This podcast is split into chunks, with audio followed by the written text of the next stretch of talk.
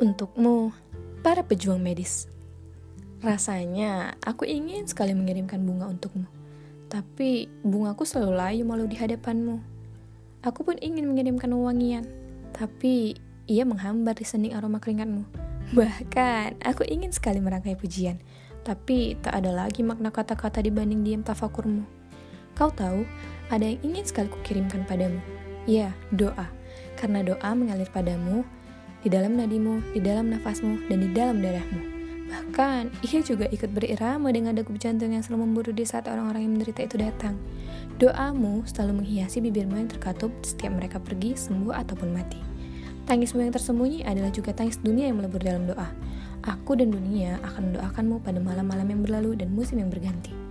Hari-hari ini bukan tentang lonceng gereja atau tua musola yang ingin aku dengar, tapi adalah tawamu Bukan terbitnya matahari yang aku tunggu besok pagi, tapi adalah senyummu. Karena itu pertanda dunia kita tak lagi gelap. Tugasmu menentang maut, tapi kau tak pernah surut. Bebanmu tak terkirakan, tapi tekadmu mengagumkan. APD-mu bikin tersiksa raga, tapi semangat tak pernah reda.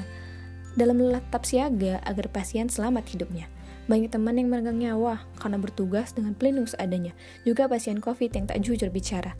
Tapi keselamatan sesama kalahkan semua. Tenaga medis, kau memberi teladan di tengah badai ambisi dan jabatan.